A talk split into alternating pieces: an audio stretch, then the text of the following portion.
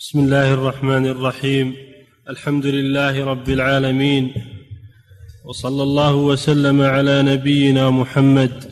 أما بعد قال الشيخ رحمه الله تعالى كتاب الزكاة. عن عبد الله بن عباس رضي الله عنهما قال قال رسول الله صلى الله عليه وسلم لمعاذ بن جبل رضي الله عنه حين بعثه إلى اليمن. إنك ستأتي قوما أهل كتاب فإذا جئتهم فإذا جئتهم فادعهم إلى أن يشهدوا أن لا إله إلا الله وأن محمدا رسول الله فانهم أطاعوا لك بذلك فأخبرهم أن الله قد فرض عليهم خمس صلوات في كل يوم وليلة فانهم أطاعوا لك بذلك فأخبرهم أن الله قد فرض عليهم صدقة تؤخذ من أغنيائهم فترد على فقرائهم فانهم أطاعوا لك بذلك فإياك وكرائم أموالهم واتق دعوة المظلوم فإنه ليس بينها وبين الله حجاب. بسم الله الرحمن الرحيم. الحمد لله رب العالمين. صلى الله وسلم على نبينا محمد وعلى آله وأصحابه أجمعين. قال رحمه الله كتاب الزكاة. لما انتهى من كتاب الصلاة أتبعه بكتاب الزكاة لأن الزكاة هي الركن الثالث من أركان الإسلام وهي قرينة الصلاة في كتاب الله عز وجل. فرضها الله سبحانه وتعالى على المسلمين بعد الهجرة. الصلاة فرضت قبل الهجرة.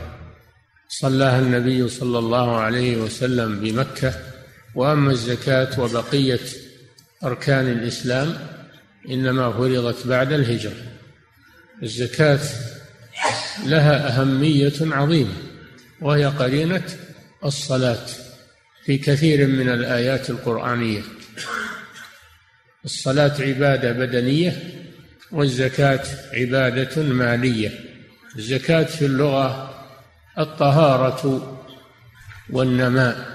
قال قال تعالى خذ من أموالهم صدقة تطهرهم وتزكيهم بها فهي طهارة للمزكي وطهارة للمال وهي سبب لنزول البركة في المال الذي تخرج منه وهي حق للفقراء والمساكين والذين في أموالهم حق معلوم للسائل والمحروم وفي أموالهم حق للسائل والمحروم فهي حق ليست تبرعا مثل صدقة التطوع وإنما هي حق واجب وركن من أركان الإسلام. من مع من منعها جحدا لوجوبها كفر وارتد عن الإسلام. لأنه مكذب لله ولرسوله ولإجماع المسلمين ولما علم من الدين بالضرورة. أما من منعها بخلا فإنه لا يرتد ولكن يجب أخذها منه قهرا لأنها حق واجب في ماله يجب أخذها منه يأخذها الإمام منه قهرا. ويعزره على منعها تعزيرا بليغا. وإن كان من يمنع الزكاة له شوكة ومنعه فإنه يقاتل. كما قاتل أبو بكر الصديق رضي الله عنه مانع الزكاة. وقال لأقاتلن من فرق بين الصلاة والزكاة. في رواية والله لو منعوني عقالا أو عناقا كانوا يؤدونه لرسول الله صلى الله عليه وسلم لقاتلتهم عليه. وقال إن الصلاة إن الزكاة قرينة الصلاة. فقاتلهم رضي الله عنه في الحرب المشهورة أو القتال المشهور بحروب الردة. فالحاصل أنه إن كان الممتنع من إخراج الزكاة بخلا يمكن أخذها منه بدون قتال إنه تؤخذ منه قهرا.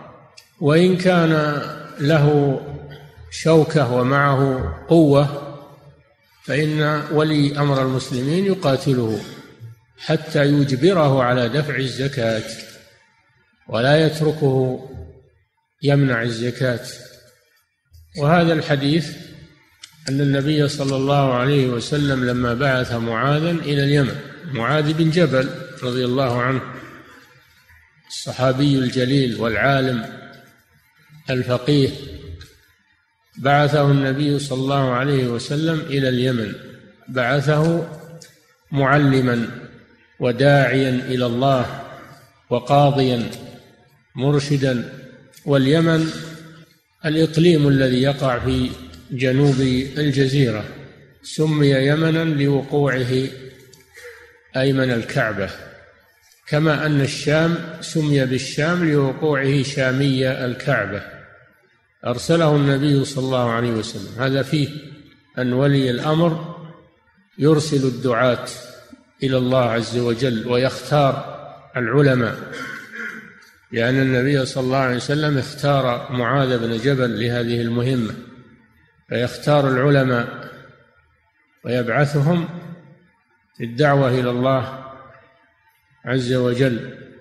وفي قوله إنك تأتي قوما من أهل الكتاب هذا فيه أن الداعية والقاضي ينبغي أن يعرف أحوال البلد وأهل البلد. الذين سيعمل عندهم يعرف أحوالهم ولا يأتيهم وهو يجهل أحوالهم. وأهل الكتاب هم اليهود والنصارى لأن اليهود عندهم التوراة والنصارى عندهم الإنجيل. وهذا فرق بينهم وبين الوثنيين والأميين الذين ليس لهم كتاب. وكان اليهود والنصارى يوجدون في اليمن. كانوا يوجدون في اليمن. النبي صلى الله عليه وسلم أرشده إلى وجودهم هناك من أجل أن يستعد لمناظرتهم والرد على شبهاتهم لأن مجادلة العالم ليست كمجادلة غير العالم. يحتاجون إلى استعداد. ولهذا اختار النبي صلى الله عليه وسلم معاذا لعلمه رضي الله عنه وفقهه اختاره لهذه المهمة. وفي هذا دليل على أن أهل الكتاب بحاجة إلى الدعوة أنهم يدعون إلى الإسلام يدعون إلى الإسلام لأن الله أوجب على الثقلين الجن والإنس أن يتبعوا محمدا صلى الله عليه وسلم. فلا يسع أحدا بعد بعثة محمد صلى الله عليه وسلم إلا أن يؤمن به ويتبعه. كما قال سبحانه وتعالى الذين يتبعون الرسول النبي الأمي الذي يجدونه مكتوبا عندهم في التوراة والإنجيل يأمرهم بالمعروف وينهاهم عن المنكر ويحل لهم الطيبات. ويحرم عليهم الخبائث ويضع عنهم إصرهم والأغلال التي كانت عليهم فالذين آمنوا به وعزروه يعني وقروه واحترموه الذين آمنوا به وعزروه واتبعوا النور الذي أنزل معه الوحي الذي أنزل معه من الكتاب والسنة دل على أنهم لا بد أن يتبعوه ولا يبقوا على دينهم لأن دينه نسخ الأديان والواجب العمل بالناسخ دون المنسوخ فيجب عليهم أن ينتقلوا من دينهم إلى دين الإسلام. ودين الإسلام لا يخالف أديان الرسل السابقين في العقيدة توحيد وأصول الإيمان إنما يخالفها في الأحكام العملية. الأحكام العملية أحكام المعاملات والأشياء العملية. أما في العقيدة فأديان الأنبياء واحد واحد. كلها تدعو إلى الله تأمر بالتوحيد وتنهى عن الشرك. لكن الأحكام العملية تختلف يحصل فيها نسخ حتى في حتى في شريعة الرسول الواحد فيها ناسخ ومنسوخ كذلك الشرائع ينسخ بعضها بعضا. وهذا يكون لمصلحة البشر. أن الله يشرع لكل أمة ما يصلحها ويناسبها. فلما بعث محمد صلى الله عليه وسلم أنزل الله عليه القرآن والسنة وشرع له الشريعة الصالحة. لكل زمان ومكان من بعثته صلى الله عليه وسلم إلى أن تقوم الساعة فهي الشريعة الشاملة الباقية الخالدة إلى أن تقوم الساعة. لا تبدل ولا تغير ولا تنسخ.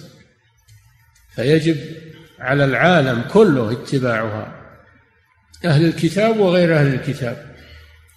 الذين يقولون إن الكتاب إن اليهود والنصارى على دين صحيح وأنها كلها أديان صحيحة الإسلام واليهودية والنصرانية هذا إلحاد والعياذ بالله كفر بالله وقول باطل. نعم كانت اليهودية والنصرانية في وقتها دين صالح قبل أن تحرف وتغير وفي أجلها ووقتها لكن بعدما بعث محمد صلى الله عليه وسلم إنه لا يسع أحد أحدا إلا أن يؤمن به ويتبعه. الذين آمنوا به وعزروه ونصروه واتبعوا النور الذي أنزل معه. أولئك هم المفلحون. حصر الفلاح فيهم. دل على أن الذي لا يؤمن بهذا الرسول ولا يتبعه أنه لا يفلح. كائنا من كان لا ميزة لليهود والنصارى على غيرهم بل إن اليهود والنصارى أولى الناس بأن يتبعوا هذا الرسول صلى الله عليه وسلم لأنهم يعرفونه كما يعرفون أبناءهم عندهم العلم يعرفون هذا الرسول ويعرفون شريعته فالواجب عليهم أكثر فلذلك أمر النبي صلى الله عليه وسلم معاذا أن يدعوهم إلى الإسلام. فإن أبوا فإنه يفرض عليهم الجزية يفرض عليهم الجزية ويكونون خاضعين لحكم الإسلام. قاتلوا الذين لا يؤمنون بالله ولا باليوم الآخر ولا يحرمون ما حرم الله ورسوله ولا يدينون دين الحق. من الذين أوتوا الكتاب حتى يعطوا الجزية عن يد وهم صاغرون. لا بد أن يبقوا تحت حكم الإسلام ويؤدوا الجزية مع الذلة والصغار عقوبة لهم. أما أن يقال الأديان الثلاثة سواء كلها أديان لا ما فيه إلا دين واحد دين الرسول صلى الله عليه وسلم. ما عداه فقد نسخ. ولهذا قال صلى الله عليه وسلم لا يسمع بي يهودي ولا نصراني ثم لا يؤمن بالذي جئت به إلا دخل النار. ولهذا قال جل وعلا قل يا أهل الكتاب تعالوا إلى كلمة سواء بيننا وبينكم ألا نعبد إلا الله ولا نشرك به شيئا ولا يتخذ بعضنا بعضا أربابا من دون الله فإن تولوا فقولوا اشهدوا بأننا مسلمون. تبرأ منهم. أما أن نقول أنهم إخواننا وأنه يجب علينا محبتهم هذا من أكبر الكذب على الله والافتراء على الله سبحانه وتعالى. لا تتخذوا اليهود والنصارى أولياء. بعضهم أولياء بعض. ومن يتولهم منكم فإنه منهم. إن الله لا يهدي القوم الظالمين. يجب معرفة هذا الأمر لأنه لبس على الناس الآن لبس على الناس الآن في أن أنه يسع اليهود والنصارى البقاء على عقيدتهم. نعم يسعهم البقاء على عقيدتهم إذا خضعوا للإسلام وأدوا الجزية.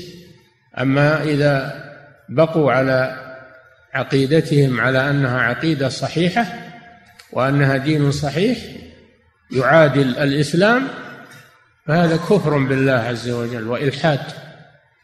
ولا يقول هذه المقالة مسلم يؤمن بالله واليوم الآخر. إنك تأتي قوما من أهل الكتاب فليكن أول ما تدعوهم إليه. ادعوهم وهم أهل الكتاب. ليكن أول ولهذا قال الشيخ محمد بن عبد الوهاب رحمه الله على هذا الحديث قال فيه دليل على أن العلماء يحتاجون إلى الدعوة. العلماء يحتاجون إلى أن يدعوا. إذا ضلوا الطريق وخالفوا العلم يدعون إلى الله وهم علماء. فليكن أول ما تدعوهم إليه شهادة أن لا إله إلا الله. وأن محمدا رسول الله. هذا هو الركن الأول من أركان الإسلام. الذي لا يدخل أحد في الإسلام حتى يشهد أن لا إله إلا الله وأن محمدا رسول الله. فلو شهد أن لا إله إلا الله ولم يشهد أن محمدا رسول الله لم يكن مسلما. ولو شهد أن محمدا رسول الله ولم يشهد أن لا إله إلا الله لم يكن مسلما. بل لا بد من الاتيان بالشهادتين والنطق بهما ومعرفة معناهما والعمل بمقتضاهما. واجب ما هو مجرد لفظ يقال. حتى لو شهد لا إله إلا الله وأن محمدا رسول الله ولم يعمل بهما إنه لا يعتبر مسلما. لا بد من النطق بهما واعتقاد معناهما والعمل بمقتضاهما وهو الإخلاص لله عز وجل للعبادة وترك الشرك الشرك واتباع الرسول صلى الله عليه وسلم وترك البدع والمحدثات. هذا معنى الشهادتين. مجرد لفظ يقال ويبقى الإنسان على ما هو عليه من العقائد والعوايد الباطلة. لا بد أن يتحول إلى معنى الشهادتين ومدلول الشهادتين ويلتزم بذلك. فإنهم أطاعوك لذلك. شوف هذا دليل على أنه يبدأ بالعقيدة والتوحيد على أن الداعية والدعاة يبدأون بالتوحيد وإصلاح العقيدة. عكس الذين يهملون التوحيد ويشتغلون بالأمور الأخرى من الأخلاق ومن العبادات والأذكار وما أشبه ذلك ولا يهتمون بالتوحيد ولا يعلمون الناس العقيدة الصحيحة ولا ينهونهم عن الشرك وعن البدع بل يتركون كلا على ما هو عليه ويطلبون منه فقط أن يترك الربا ويترك الزنا ويترك الخمر ويترك ويترك لكن إنه يدعو غير الله يستغيث بالأموات يذبح للأموات هذا ما يتعرضون له.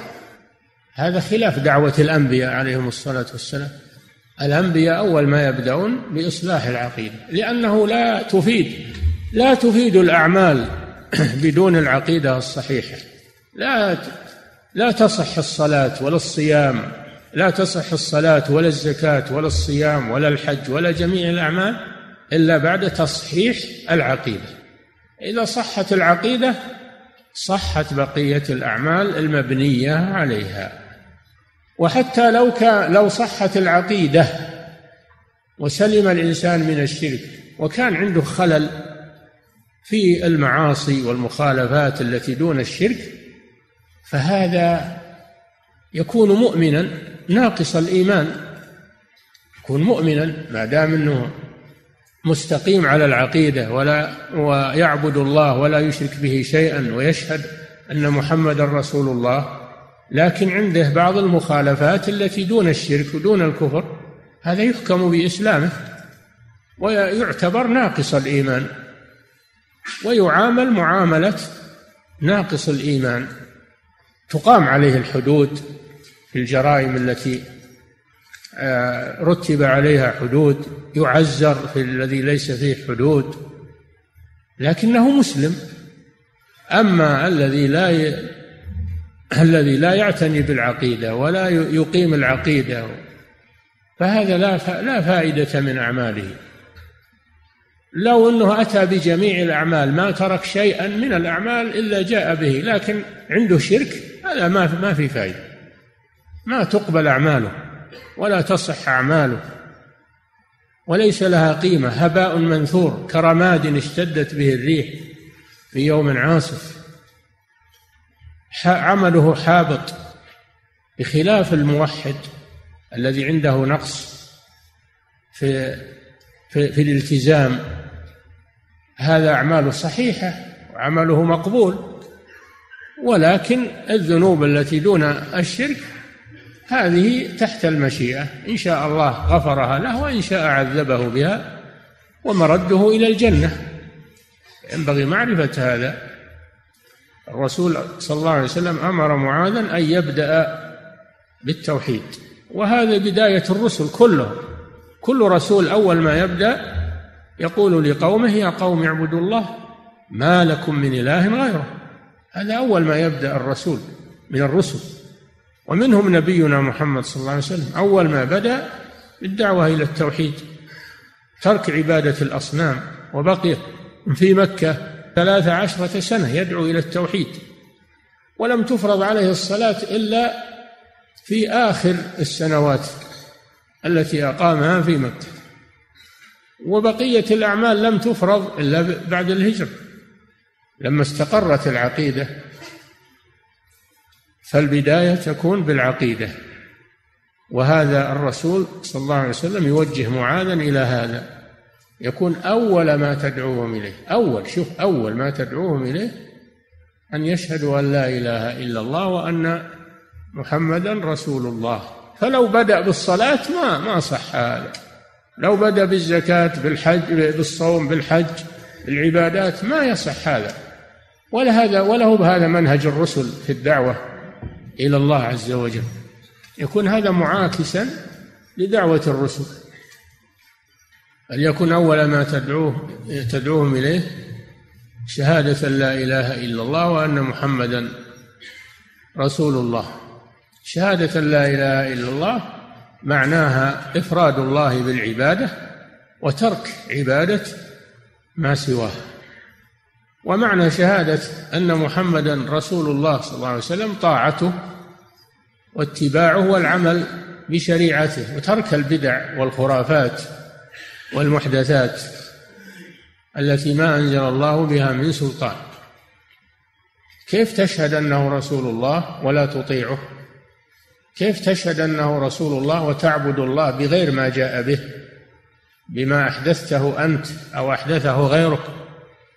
هذا إما أنه يبطل شهادة أن محمد رسول الله أو ينقصه فإنهم أجابوك إلى ذلك شهدوا أن لا إله إلا الله وأن محمدا رسول الله حينئذ استقامت العقيدة يتوجه إلى العمل.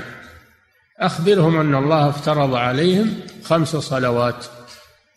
هذا دليل على أهمية الصلاة وأنها تأتي في الترتيب والأهمية بعد التوحيد وبعد الشهادتين.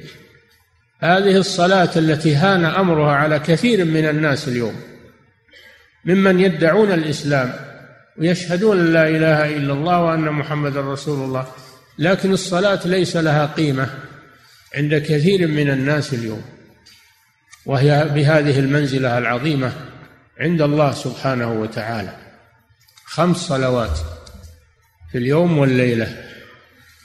صلاة الفجر صلاة الظهر صلاة العصر صلاة المغرب صلاة العشاء. خمس صلوات في اليوم والليلة. وما زاد عليها من الصلوات فهو نوافل وتطوع. لكن هذه فريضة لا بد منها. أما النوافل فإنها مستحبة ومطلوبة. لكنها مكملة. أما الذي يأتي بالنوافل ويترك الفرائض لا تقبل منه. لا تقبل منه النوافل حتى يؤدي الفرائض. أولا فإنهم أجابوك إلى ذلك فأعلمهم أن الله افترض عليهم صدقة. هذا محل الشاهد من الحديث في كتاب الزكاة أن الله افترض عليهم صدقة. الزكاة تسمى صدقة. خذ من من أموالهم صدقة تطهرهم بها. لكنها صدقة واجبة ومفروضة. تؤخذ من أغنيائهم. هذا في دليل على أن الزكاة لا تجب إلا على الغني وهو الذي يملك النصاب.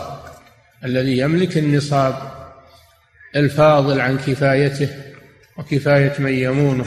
هذا هو الغني الذي يملك نصابا.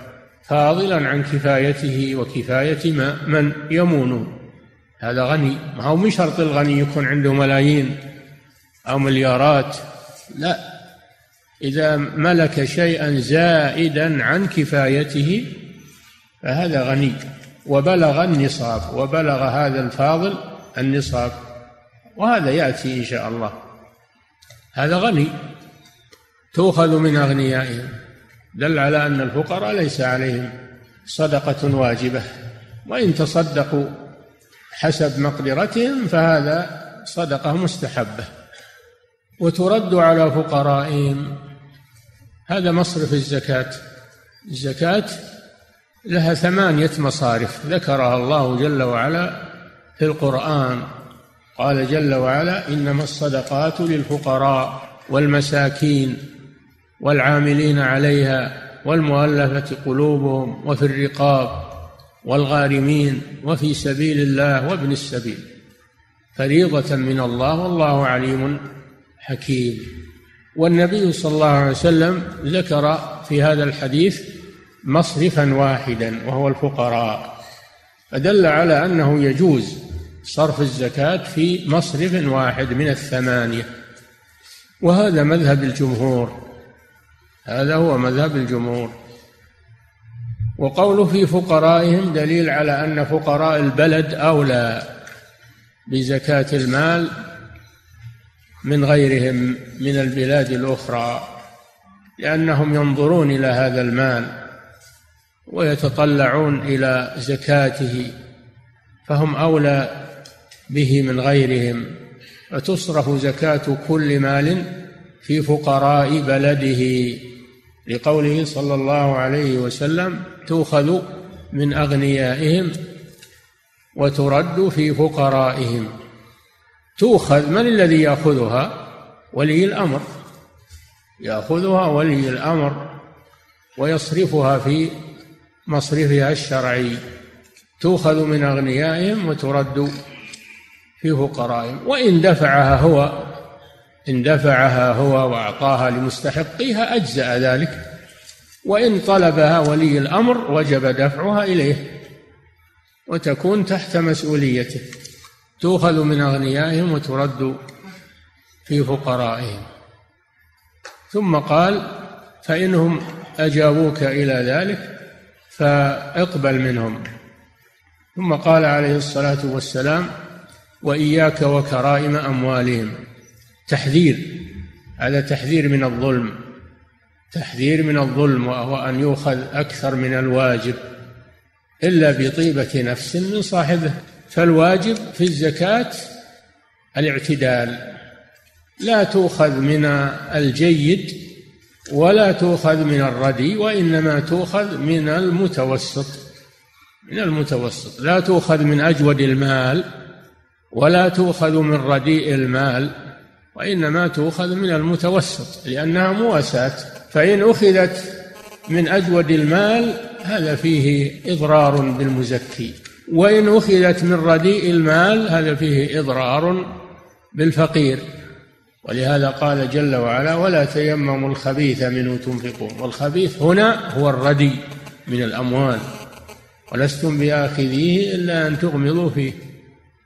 واعلموا أن الله غني حميد. أنت ما تخرج الصدقات والأموال إلا لنفسك. أما الله فإنه غني عنها سبحانه وتعالى. فإن أخرجت جيدا فهو لك وإن أخرجت رديئا فهو لك. أنت هذا لك أنت. هذا لك أنت. إياك وكرائم أي نفايس الكريمة هي النفيسة. يعني لا تأخذ النفائس من أموالهم كالحامل من الدواب أو أو الفحل فحل الإبل أو فحل الغنم. هذا من النفائس. وإنما تأخذ من المتوسط الذي بين الردي وبين الجيد. إلا إذا سمحت صاحب المال بالجيد فهذا خير له.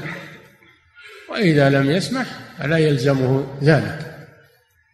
ففي أخذ الجيد من غير آه، طيب نفس المزكي إجحاف به. وفي أخذ الردي إضرار بالمحتاجين. والدين ولله الحمد دين الوسط والإعتدال. فيدفع في الزكاة من المتوسط. من جميع من جميع الأموال يؤخذ المتوسط. إياك وكرائم أموالهم ما يقول أنا ولي أمر وأنا لا ما ما تأخذ أموال الناس بدون رضاهم. وإن كنت ولي أمر ما تأخذ إلا ما أذن الله بأخذه وأمرك به. إياك وكرائم أموالهم ثم أكد ذلك. فقال واتق دعوة المظلوم لأن أخذ الكرائم هذا ظلم. أخذ الكرائم بدون رضا صاحبها هذا ظلم. وقال النبي صلى الله عليه وسلم اتق دعوة المظلوم أي تجنبها. والسبب في ذلك أن دعوة المظلوم مستجابة حتى ولو كان كافرا. المظلوم تستجاب دعوته. ولو كان كافرا لأن الظلم لا يجوز. ما يجوز. الله جل وعلا يقول يا عبادي إني حرمت الظلم على نفسي وجعلته بينكم محرما فلا تظالموا. الظلم لا يجوز. كما أن دعاء المضطر يقبل ولو كان كافرا ولو كان الداعي كافرا. دعاء المضطر يستجاب. ودعاء المظلوم يستجاب عند الله سبحانه وتعالى. واتق دعوة المظلوم فإنه ليس بينها وبين الله حجاب. تصل إلى الله جل وعلا ويستجيب الله للمظلوم وهذا عام في الزكاة وفي غيرها. ألا يجوز الظلم في حال من الأحوال في جميع الأمور. وأن الظالم معرض للعقوبة ومعرض لدعوات المظلومين. والله يستجيب دعوات المظلومين لأنه سبحانه حكم عدل لأنه حكم عدل لا يرضى بالظلم ولا يقر الظلم سبحانه وتعالى. فهذا فيه أن ولاة الأمور يجب عليهم العدل ويحرم عليهم الظلم والعدل واجب على الجميع. في كل من ولي ولاية أن يعدل وأن يتجنب الظلم. يبقى سؤال حول هذا الحديث وهو سؤال مشهور. لماذا اقتصر النبي صلى الله عليه وسلم على ثلاثة أركان فقط؟ وهي الشهادتان والصلاة والزكاة. ولم يذكر بقية الأركان وهي الصيام والحج. أجيب عن هذا بعدة أجوبة ذكرها الشراح رحمهم الله. منهم من يقول إن الرسول صلى الله عليه وسلم اقتصر على الأركان التي يقاتل التي يقاتل من امتنع منها. من امتنع من التوحيد يقاتل. اقتلوا المشركين حيث وجدتموه.